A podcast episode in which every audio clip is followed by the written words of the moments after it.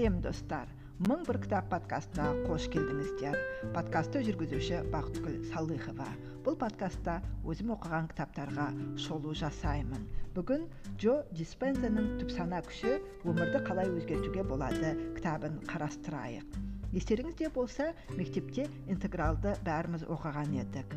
Сол мектепте интегралға байланысты есептерді жақсы шығаратынмын. Бірақ уақыт өте келе бұл білімім қажетсіз болғандықтан ұмытылып қалды. Ер жеткен кезде балаларға арналған энциклопедиядан интегралдың не үшін керек екенінің мысалмен берілген оңай түсіндірмесін оқыдым. Сол кезде неге мектепте осы оңай жолын түсіндірмеген деген ойға қалдым. Шын мәнінде қиын деген нәрселердің оңай түсіндірмесі бар екенін барлығымыз біле бермейміз.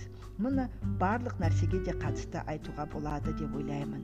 Соңғы кездері адамның дамуына байланысты оқып жүрген кітаптарда көп зерттеушілер өз ойларын тек ғылыми тұрғыдан дәлелдеп қана қоймай өз тәжірибесі күнделікті өмірде болған оқиғалар оған өздері мен басқа адамдардың реакциясын сипаттау арқылы түсіндіріп түрлі қорытындылар жасап жатады.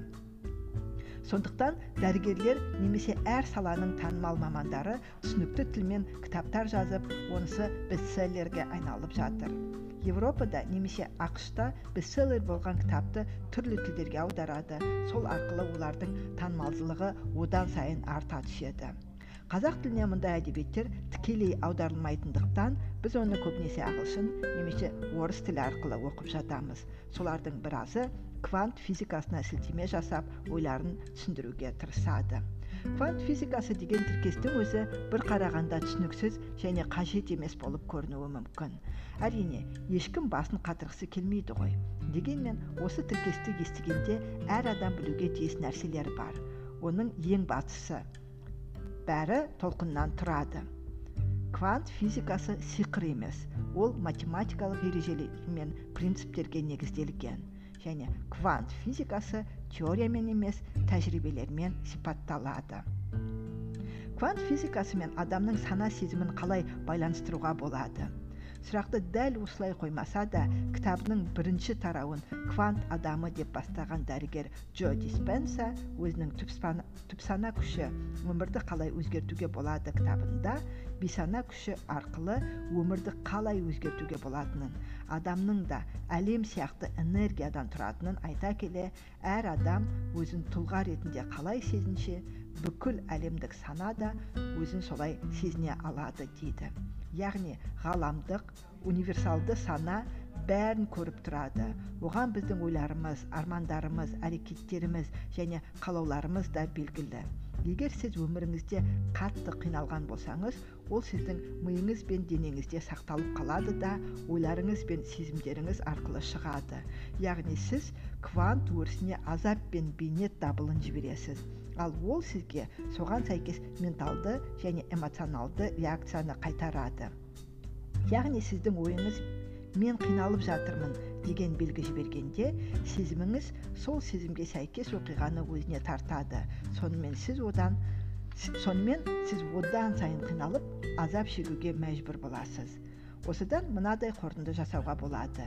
Сіз өзіңізді жамандап менің қолымнан ештеңе келмейді жолым болмайды оқуға түспеймін әдемі емеспін мұны үйрене алмаймын уақытым жоқ үлгермеймін деген сайын сол ойыңызға сәйкес нәтиже аласыз.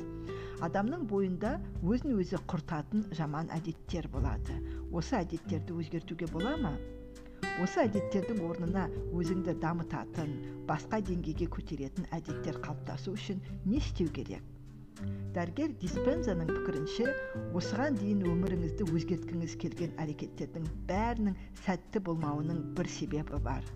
Ойыңыздың шектелгенінен. Мүмкін сіз тек қана сыртқы жағдайлар өзгеруі керек деп ойлаған боларсыз. Шынымен өзгеремен шынымен өзгеремін дегендерге джо диспензаның кеңестері былай. Бұрынғы сезімдеріңіз бен ойларыңызды қайта қайта жаңғырта бермеңіз. Өйткені сіз дәл сондай өмірлік жағдаяттарды және сезімдерді тудырып жатырсыз. Сол арқылы бірдей қиындықтарға тап бола бересіз. Бұрынғы өзіңізден бас тартыңыз.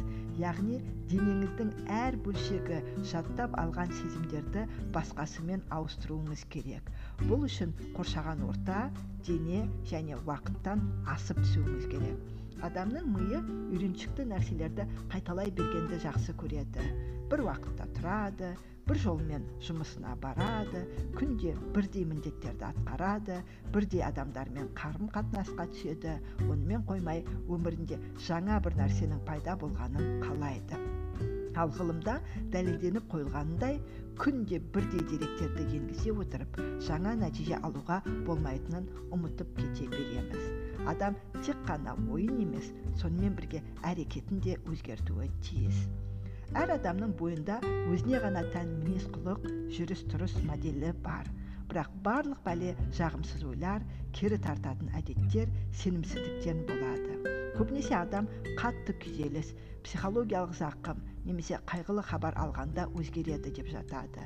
Бірақ өзгеру үшін тек қана қиындық пен азап не қайғы қасіретті күтіп отыруға болмайды. Олар келсе сіз онсыз да өзгересіз. Бұл айтылғандар оңай және түсінікті нәрселер сияқты. Дегенмен оны түйсіну және жүзеге асыру оңай болмай тұр. Сондықтан өзгеру үшін әсіресе жаңа тіл үйренуде спортпен айналысуда өз кәсібіңізді ашуда саламатты өмір салтын ұстануда бар ерік жігеріңізді салыңыз. Адам барлық нәрсеге бейімделетін және дағдыланатын болғандықтан өзімізді тек қана жақсылыққа кеңдікке тапқырлыққа саналылыққа тәрбиелейік. Сонымен бүгін мың бір кітап подкастының тағы бір хабарын тыңдадыңыздар. Сұрақ қойыңыздар қызық болса кітапты алып оқыңыздар өздеріңізге әсер еткен кітаптармен бөлісіңіздер. Келесі кездескенше күнде кітап оқиық кітап оқудан жалықпайық ойымыз өсіп танымымыз кеңейе берсін. Сіздермен бірге болған бақытгүл салыхова келесі кездескенше.